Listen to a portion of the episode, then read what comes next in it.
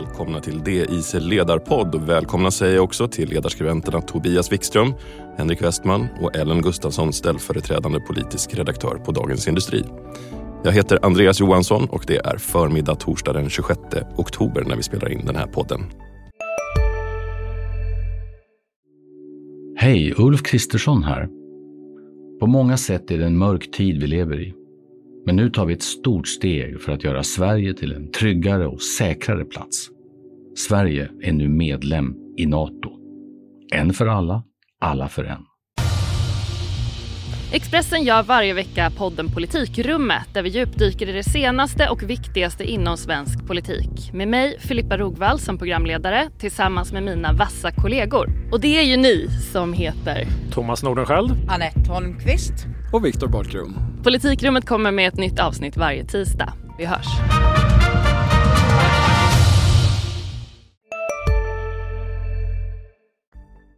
Så presenterades den till slut, professor John Hasslers rapport om hur Sveriges klimatpolitik bör utvecklas baserat på EUs nya klimatlagstiftning Fit for 55. 46 punkter blev det. Ellen, några överraskningar? Nej, ingenting som chockerar den direkt kanske. Eh, det finns väl en anledning till att just eh, John Hassler fick det här uppdraget. Eh, han är ju då professor i nationalekonomi. Han är väldigt ofta ute i debatten och ger sina synpunkter på hur man, hur man utformar en effektiv klimatpolitik. Och han har ju riktat ja, men en hel del kritik mot hur det ser ut i Sverige.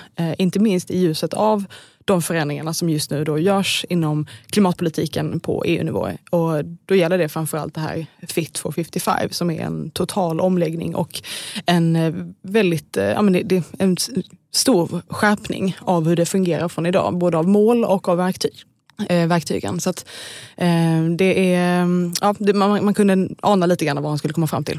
Vilka var de viktigaste delarna i utredningen? Då?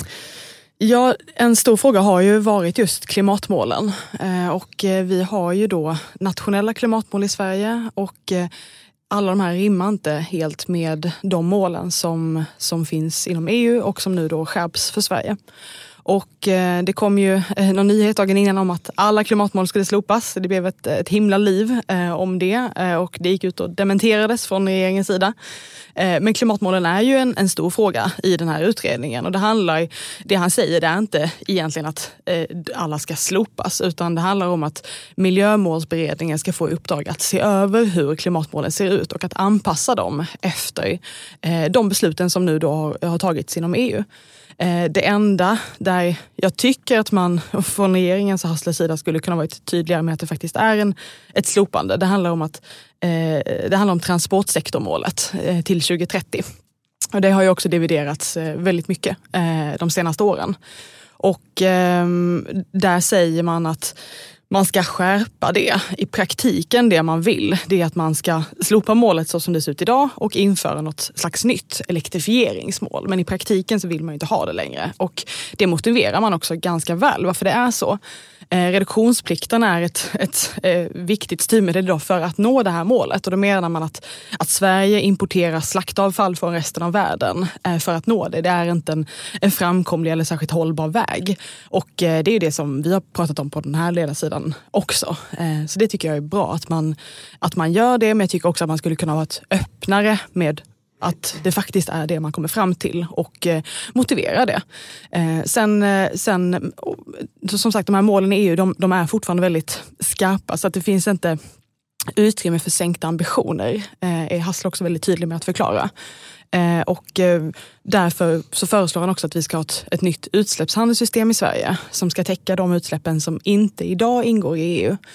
Eh, och, eh, och sen ska det också kunna harmoniseras då med, med verktygen på EU-nivå. Och det tycker jag är eh, ett fantastiskt bra förslag. Eh, och en stor fördel med det är att du får fullkomlig kontroll över utsläppen i Sverige. Ehm, så att eh, det, det hoppas jag verkligen att regeringen går vidare med. Och det lät som att klimatministern var väldigt intresserad av det. Eh, så vi får se vad, vad som händer helt enkelt. Ja, precis, för det är min nästa fråga. Vad händer nu? Den här utredningen skulle ligga till grund för klimathandlingsplanen som regeringen ska presentera eh, nu under hösten. Och eh, där ska man då helt enkelt, ja det är precis vad det låter, man ska lägga fram en, en plan för, för klimatpolitiken eh, de kommande åren och hur man når målen. Eh, så att den, allt det är ju lite osäkert nu för det beror helt enkelt på vad det är man tar med sig från den här utredningen eh, och vilka verktyg som man inför eh, för att man ska nå de här målen. Eh, så vi får helt enkelt vänta och se. Eh, men, men givet att man tillsatte den här utredningen eh, så kan man väl ana att det ändå skulle kunna bli en del förändringar i, i den svenska klimatpolitiken. Elektrifiering kräver ju en trygg energiförsörjning.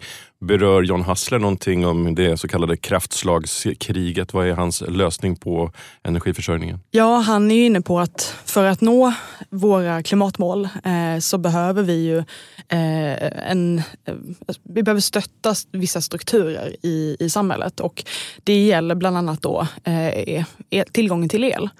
Och eh, där eh, är han inne på bland annat att man behöver underlätta för vindkraften. Eh, till exempel att Eh, kommunen ska få en, eh, en fastighetsskatt från vindkraften, att man ska ha incitament att faktiskt säga ja till vindkraft. Idag så har ju kommuner ett, ett kommunalt veto där man kan säga nej till vindkraftsetableringar.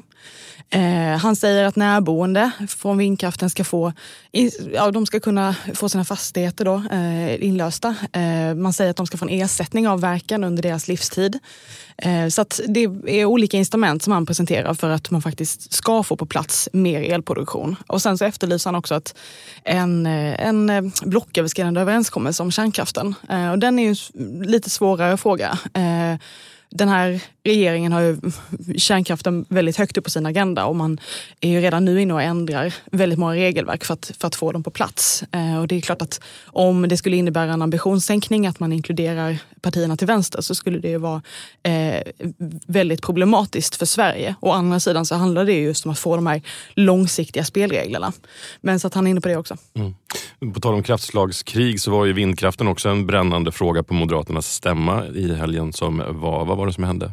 Ja, det har blivit lite grann av ett eh, kulturkrig kring, eh, kring vindkraften. Eh, och eh, jag skulle säga att det eh, har uppkommit för att eh, det började egentligen i konflikten om kärnkraften. Och ur konflikten om kärnkraften så tror jag att det fanns eh, krafter, eh, falanger till höger som också anammade ett, eh, ett instinktivt principiellt hat mot vindkraften. Det, I realiteten tycker jag att det är svårt att tolka det på något annat sätt än så. Och eh, det här har funnits, funnits bland alla partier tror jag till höger, men då, och inklusive de Moderaterna. Och det blir ju problematiskt. Eh, och en ganska stor kontrast i förhållande till vad man sa innan valet och vad man då plötsligt ska säga när man är, sitter i regeringen. Eh, för det har ju varit en helt annan retorik. Nu är det väldigt tydligt från regeringens håll att man säger att vi måste ha all fossilfri el, inklusive vindkraft. Och Ulf Kristersson har ju drivit igenom eh, vindkraftsparker till havs eh, och kört över andra departement för att det ska bli av. Men om det då finns det här motståndet internt i partiet så finns det ändå en tvekan från, från näringslivets sida om hur framtiden ser ut för vindkraften. Och eh, det är ett problem för att många företag är väldigt tydliga med att på kort sikt så är det vindkraften som, som gäller. Och eh, där, eh, då var det då förslag som skulle underlätta lite grann kring vetot. Förslagen, eller kommunernas besked skulle behöva komma tidigare än idag. Och det mötte ganska stort motstånd. Det fanns de som ville att kommunal, det kommunala vetot skulle utökas att gälla andra kommuner också. Och det eh, var väldigt många från branschen som menade att det skulle vara eh, förödande. Eh, men det man landade i till slut var ganska bra. Man är inne på det här med att kommuner ska få incitament att säga ja till vindkraften istället. Och jag tycker att det är rätt ordning att börja i. Det är, det är bättre att man pratar om incitamenten först och sen kan man prata om det kommunala vetot. För att om kommuner ska ge tidiga besked och inte ha incitament att säga ja så kommer det bara få tidiga nej till vindkraftsetableringar. Vi är specialister på det vi gör, precis som du.